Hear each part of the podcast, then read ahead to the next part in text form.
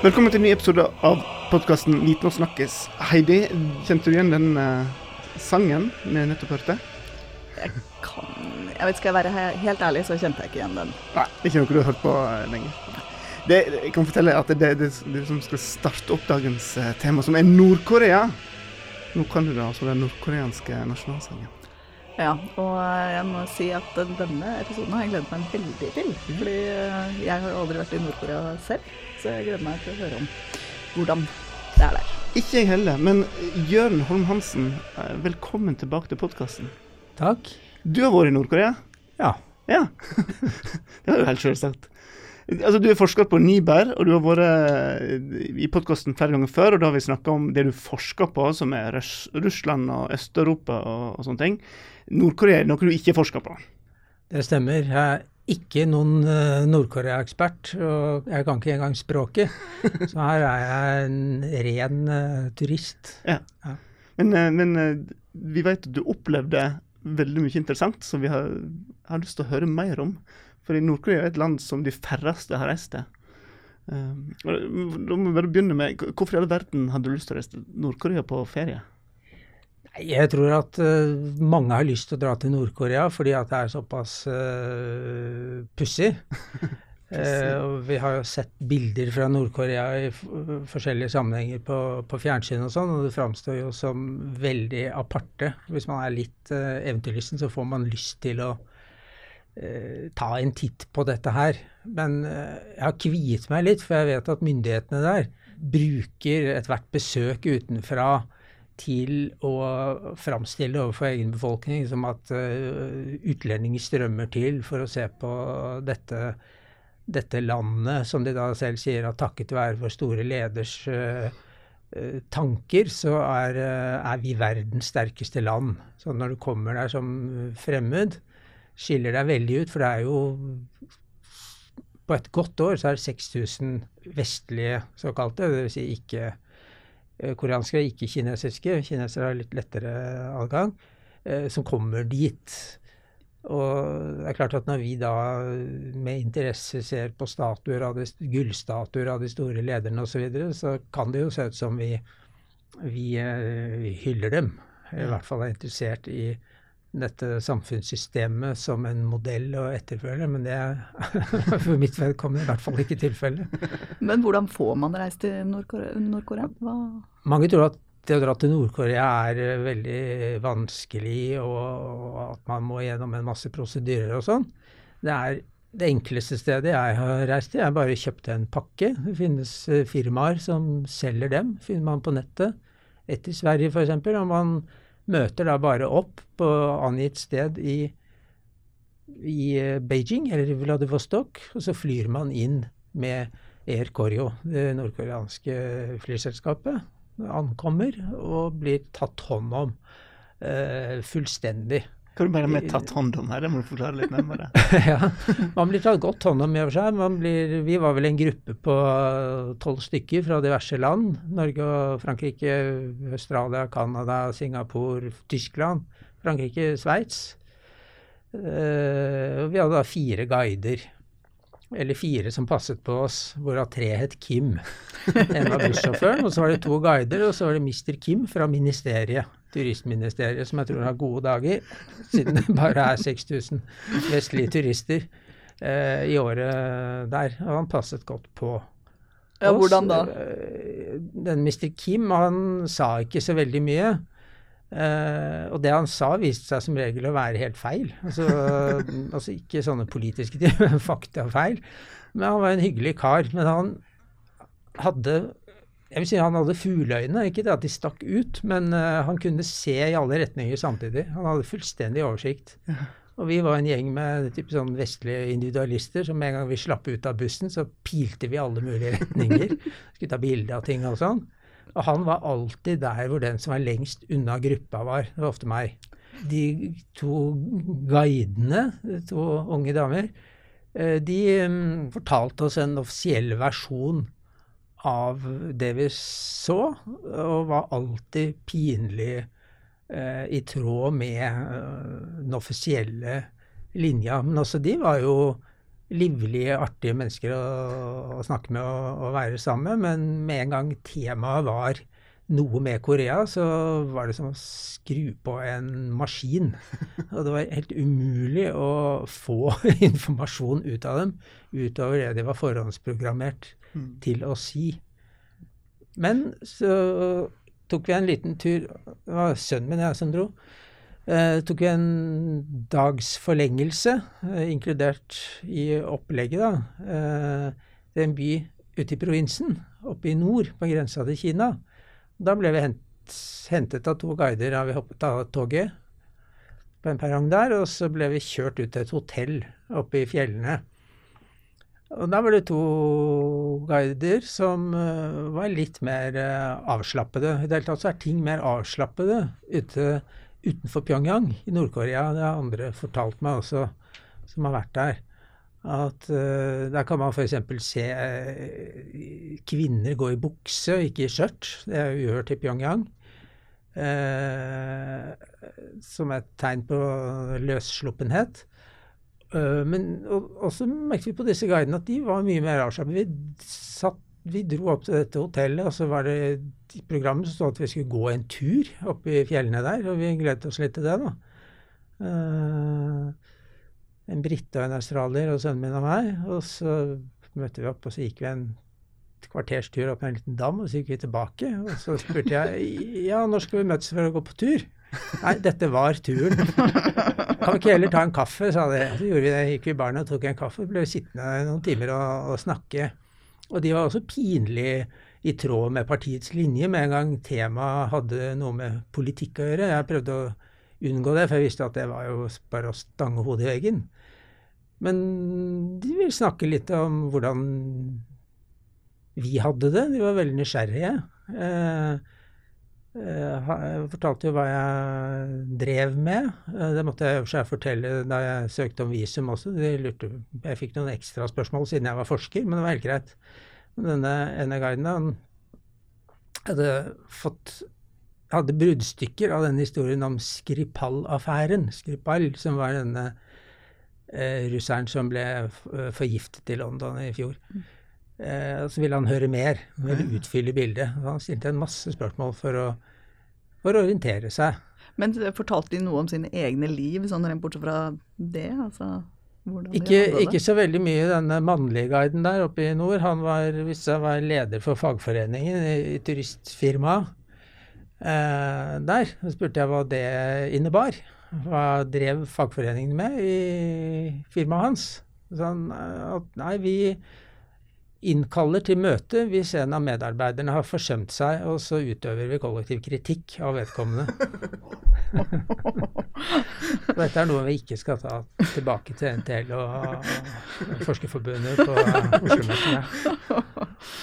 Men, men, det er altså sånn at du, du kunne ikke bare gått og legge deg en bil og, og kjøre fritt rundt i Nord-Korea og oppleve Nei, det kunne jeg ikke ha gjort. Nei.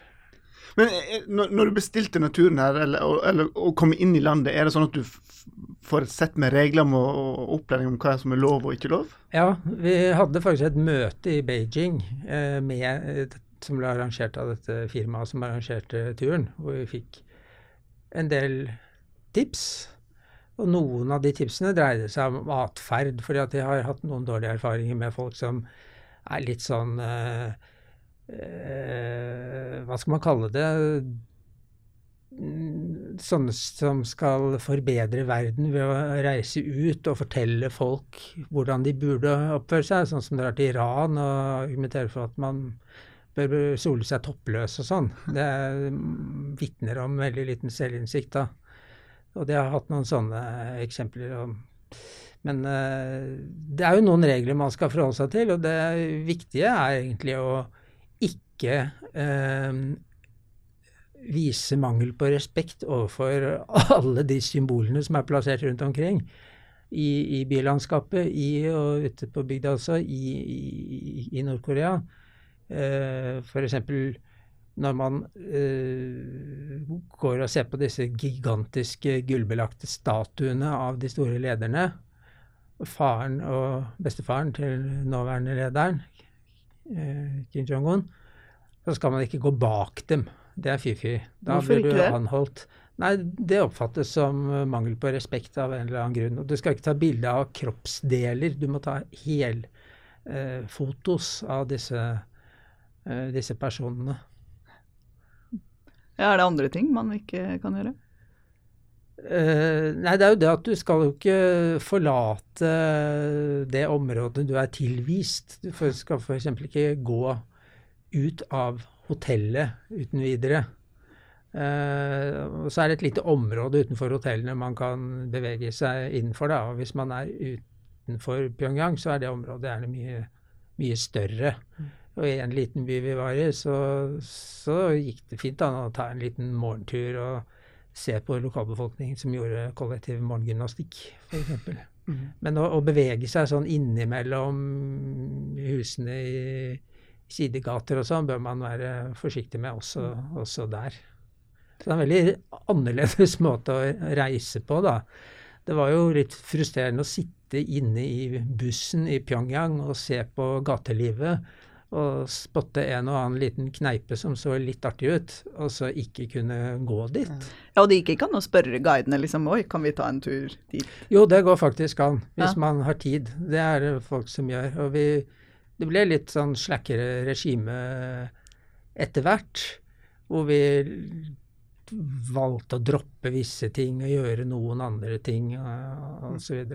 Men det å komme i kontakt med lokalbefolkningen var, var det nesten ikke anledning til. Flere av de gangene vi spiste f.eks. i Pyongyang, så var det på turist, regionale turistfirmaets eget eh, spisested. Men noen ganger så var vi ute på sånne steder og, og spiste sånn, eh, sånn spesiell, spesiell koreansk eh, grillmat. Kjempegodt. Hvor det var andre altså bybefolkningen også var til stede. I et helt spesielt tilfelle så var vi helt uh, sluppet fri blant lokalbefolkningen. Det var et sånn badeland vi har der. Et sånt prestisjeprosjekt. Kjempefint badeland i og for seg. Hvor vi bare svømte rundt sammen med de andre og sklei i sklier og var i badstue med de andre nordkoreanerne som var der, som sannsynligvis tilhørte et litt privilegert sjikt. Men det var helt tydelig at de syntes det var hyggelig at vi var der. De ga plass når vi kom inn i badstua og smilte fra øre til øre. Og akkurat da skulle jeg ønske jeg kunne koreansk. Og jeg kunne ha, ha snakket litt med dem. Men var guidene med inn i badstuen også? Eh, nei, nei da. Nei, nei, da var det- der var de, ja. Det gadd de ikke, altså. Så det var de ikke med på. Så der var vi på, på egen hånd. Men etter nå, hva- hva inntrykk sitter du igjen med? Føler du bare at du har fått et glansbilde, et konstruert bilde av Nord-Korea presentert, eller føler du at du har fått lært og kjent landet på en litt bedre måte? Nei, det er bare visuelt. Jeg har sett landet visuelt, og så jeg, ut fra det jeg har sett, så er jeg blitt veldig nysgjerrig. Da. Jeg får veldig lyst til å grave i, i dette her, men man får jo man får jo ikke noe Man får enda mindre innsikt i uh, ting enn man får når man reiser til et helt vilt fremmed land og ikke kan språket, men tross alt kan tusle rundt på egen hånd og kanskje pludre litt med noen som kan et språk du kan. Så, sånn sett så er det jo eh, mer en sånn eh, ja, litt spennende ting jeg har gjort én gang. Eh, jeg vet ikke om jeg har sånn veldig lyst til å dra dit igjen og dra og se på de samme monumentene og, og museene, men samme historien rundt. Selv om jeg er ikke helt sikker på om jeg ikke har lyst heller. Men hva var det mest spennende på turen, da? Det mest spennende på turen, det var eh, i og for seg nesten egentlig å ankomme. Altså å sette seg inn i Air Koryos uh, Ilyushin-fly, som omsider er blitt uh, godkjent av internasjonale luftfartsmyndigheter. Uh, de fleste flyene deres er jo ikke godkjent. Uh, Å møte disse flyvertinnene med sånn eh, nordkoreansk eh, badge på, på brystet med, med bilde av den store leder. Og vente på den sagnomsuste Air Koryos eh, chicken burger. Da vi krysset nordkoreansk eh, luftterritorium, så skrudde de på høyttalerne, og så kom det en sånn salvelsesfull eh, tale som ble borte i skuringa, for den kom på koreansk og engelsk. Men jeg hørte ikke så mye av den. Men det var noe om store leder og fedreland osv. Eh, som ble holdt i den samme stilen som vi kjenner fra denne noe overivrige nyhetsoppleseren som vi ofte har sett, sett, på TV. Og så spilte de nasjonalsangen. Mm. Eller en annen patriotisk sang. Jeg er ikke helt sikker på om det var nasjonalsangen, faktisk, eh, som jeg, jeg har spilt den her nå. Uh, og så gikk TV-skjermene ned, og så fikk vi se noen kraftpatriotiske bilder og noe marsjmusikk, voldsomme greier. Og så skled de rett over i uh, moderne nordkoreansk popmusikk, som stort sett dreier seg om et jenteband som heter Moranbong.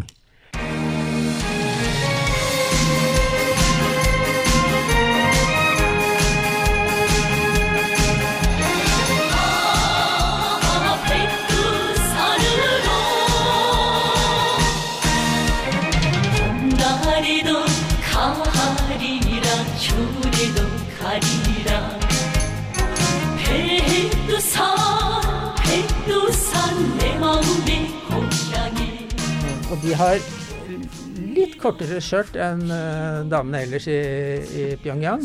Og litt kortere hår.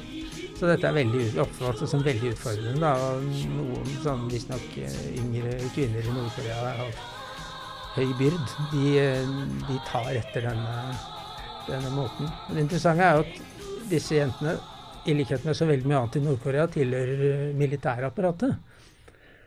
De er et militært band, sånn at deres Spice Girls er en del, underavdeling av uh, Forsvaret. Ja, ok. Og når man ser dem på TV og sånn, så sitter det gjerne 5000 offiserer og klapper i takt til musikken med gravalvorlige ansikter. uh, og mye i Nord-Korea er militært. De, på slutten av 1990-tallet så fikk de en sånn ny doktrine som de kombinerer med den gamle doktrinen om om uh, uh, selvrådighet, juche, som mange kjenner. Juche. Uh, men den nye doktrinen, som de kombinerer med den gamle, heter songun. og Det betyr militæret først. Ja. og ut fra den doktrinen så er militæret grunnstammen i, i staten. Ikke bondemassene som i Maos Kina, eller arbeiderklassen som det var i Sovjetunionen, formelt sett men militære. Og de har lang militærtjeneste, veldig lang militærtjeneste, og veldig mange jobber i militæret og i militært eh, drevne virksomhet. Sånn at all byggevirksomhet f.eks. er militært. Derfor er det strengt forbudt å ta bilde av, um, av byggeplasser, fordi at det er militært. Men ute på landet så støtter vi på en uh, uniformert fyr, militær uniform, som gikk og gjetet en saueflokk. Han kom ja. nedover gata i landsbyen. Og Det tok jo selvfølgelig jeg bilde av. Da kom guiden løpende og sa at det var en slette. Ja, ja. da lot jeg som jeg slettet det, men det må jeg innrømme at jeg ikke gjorde. For det var litt for godt motiv. Det var mye annet rart jeg fikk beskjed om å slette som jeg sletta, men ikke akkurat det. Ja, altså Siden dere jo tross alt var litt eh, rundt omkring, eh, så du noe til liksom fattigdommen, eh, sult? Den type ting? Sult så vi ikke. Sult var et stort problem på 1990-tallet, da alle disse gunstige ordningene Nord-Korea hadde hatt med DDR og, og, og Sovjetunionen særlig, falt bort. Og det ble tørke og uår i, i jordbruket. Da ble det en sultkatastrofe hvor jeg tror opp mot to millioner mennesker døde. Sånn er det ikke nå. Altså, det er ikke sult, eh, mass, massiv sult, men det var helt tydelig at folk eh, ikke eh, hadde eh, noe særlig overskudd materielt.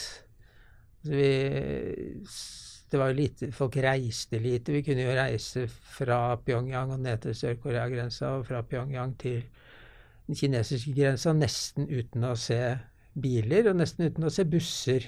Mm. Folk som, som, reiste noe sted. Og selv på denne motorveien så, så gikk folk sånn midt i uh, kjørebanen, fire og fire side om side, og pludret. De var ikke vant til at det kom biler. Og det tyder jo litt på at det er eh, Selv det ikke er en stor privatbilisme, det kan jo ha sine fordeler, så var det ikke mye reisevirksomhet. Eh, og det var jo også sånn at eh, eh, når man så utover landskapet, så minte det litt altså kulturlandskapet, så minte det litt om sånn som vi kjenner fra gamle bilder fra Europa på begynnelsen av 1900-tallet, hvor det nesten ikke er trær. Fordi folk jo har brukt det som brensel. Sånn er det i Nord-Korea nå. Og nesten ikke noe jord er udyrket. All jorda tas i bruk for å skaffe mat. Ja, overalt, eh, også i byen? Ja, også i byen så så vi jo Da vi tok toget nordover, så på den ene siden, så på perrongen, så sto jo folk med og tok avskjed og sånn. og Relativt privilegerte folk, en del kinesere også i og for seg. Uh, og der var det en basketballbane som man kunne slå hele tida med mens man venta på toget. Vi gikk om bord i toget og så ut på den andre siden, så så vi at mellom eh, jernbaneskinnene så satt jo folk på huk og luket i grønnsakbed. Så, så man brukte, brukte det som var av uh, jord eh, til å dyrke mat. Litt sånn som det var i Norge under den nazityske okkupasjonen, hvor folk dyrket grønnsaker og tobakk i, i blomsterbedene i Vigelandsanlegget. Men det med, det med klasseskiller Jeg nevnte jo denne sultkatastrofen på 1990-tallet. Uh, eh, der uh, skjedde det noe, fordi at da var man nødt til å Eh, da kollapset en del av kontrollsystemene, særlig innen økonomien. Og det førte til åpning for mer privat initiativ, eller mer privat virksomhet. Eh, som man har fortsatt med, med siden. Altså det, nå går det an for folk å tjene ekstra penger ved å selge landbruksprodukter, f.eks., og vanlige mennesker. Og det er konkurranse mellom statseide bedrifter flere taxiselskaper som konkurrerer i Pyongyang, og disse turistfirmaene konkurrerer innenfor strenge regler om turistene som besøker, eh, besøker landet. Eh, og det har ført til en viss oppmykning i et sånn gammelt, rigid klassesystem, eller kastesystem, som ble innført under Kim Il-sung på 1950-tallet, som het Songun uten at jeg kan koreansk, eh, skal bety noen eh, tilskrevet uh, plassering. Man ble tilskrevet en plassering i et sosialt hierarki. Da er det tre grupper. De lojale, og så er det de vaklende, og så er det fiendene. Hvor man ble plassert i det systemet, henger sammen med hvor, hva familien din har gjort tidligere. Altså hvor, hva, hvilken side sto man på, hva gjorde man? For å bli kvitt uh, japanerne. Japanerne okkuperte jo Nord-Korea første halvdel av uh, Eller fram til 1945. Fra 1910. Eller 1905, det spørs, men i hvert fall offisielt fra 1910.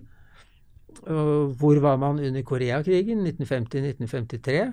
Og punkt tre, har man slektninger i utlandet?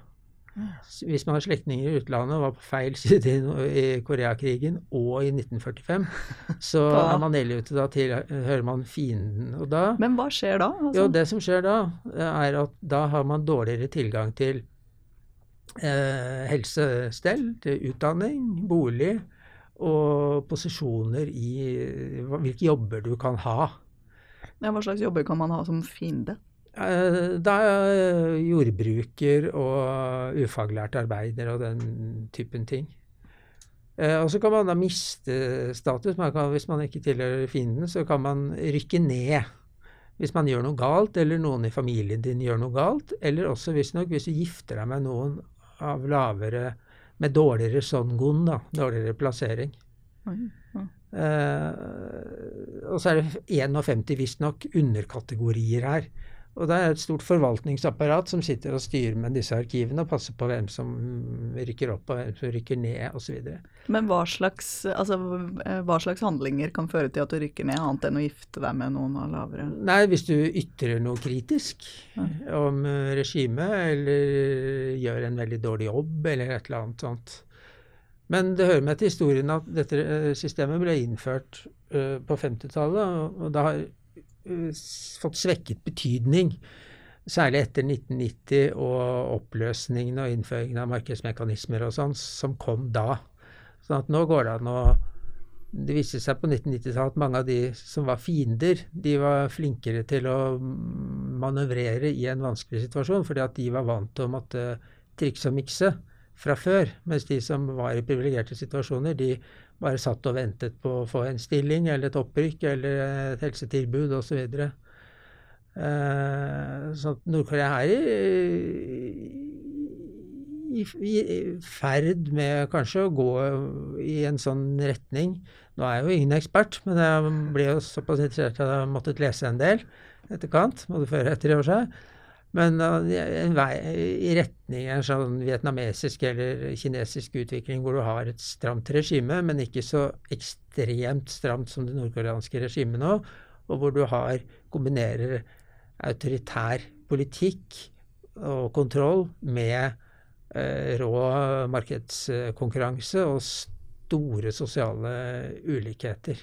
Det er to byer, en kinesisk og en koreansk, som ligger på hver sin side av en elv. Ja. Uh, og så går det en bro over. Og da vi reiste ut, så tok vi bussen over sammen med en hel haug med kinesiske shoppingturister. Og hvem hadde trodd at det var shoppingturer til Nord-Korea? Ja.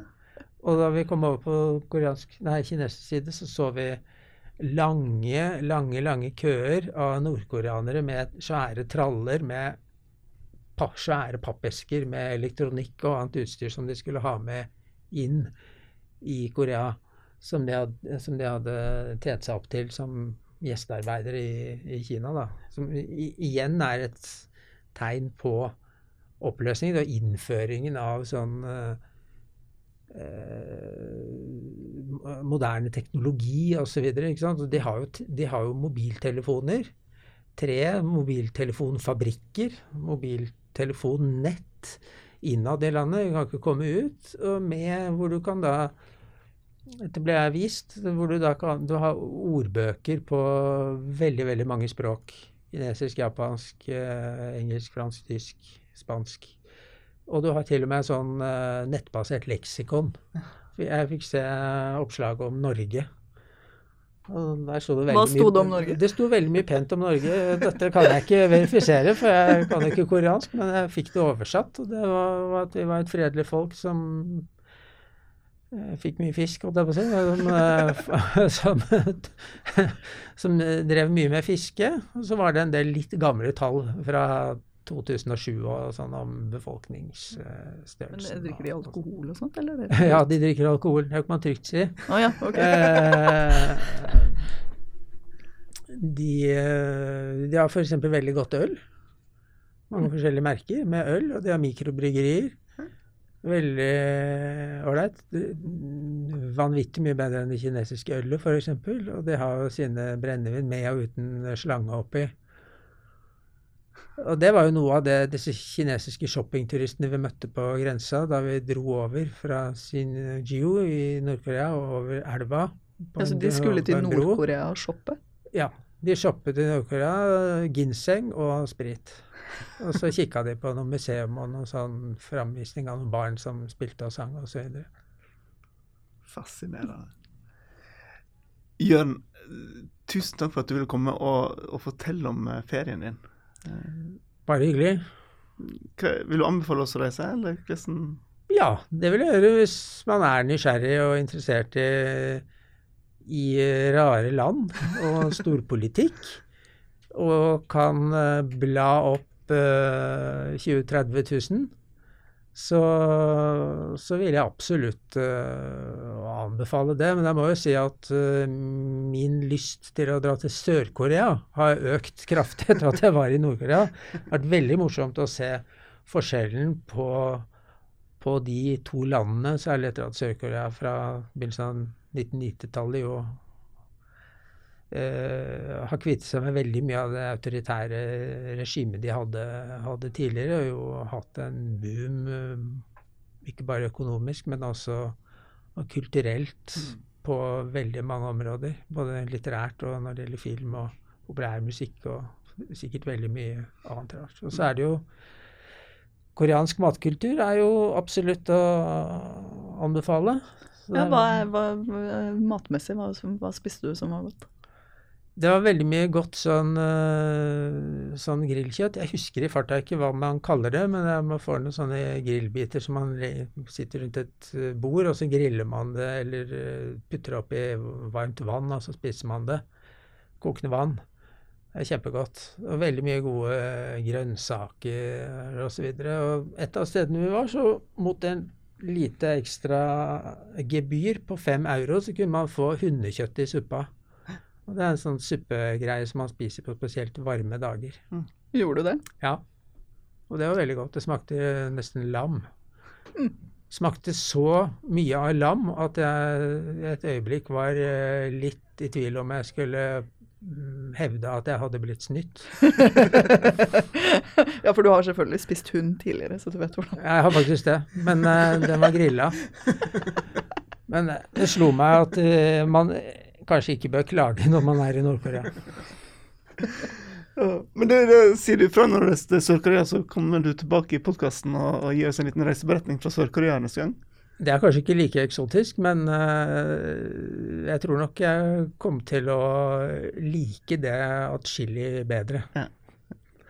Men da, da tror jeg vi avslutter med litt uh, militær popmusikk. Var det sånn å forstå? Ja, den er fin. Den er, går i marsjtakt, og den har, eh, den har mye sånn, så vidt jeg med min ringe forstand uh, kan si, ligner på noe aldersstegen Grand Prix-musikk. Gjerne tysk. Da gleder vi oss til det. Og til deg som har hørt på, tusen takk for at du ville høre på denne episoden her. Ikke glem å abonnere. Nye episoder kommer. Og da setter vi over til litt nordkoreansk musikk.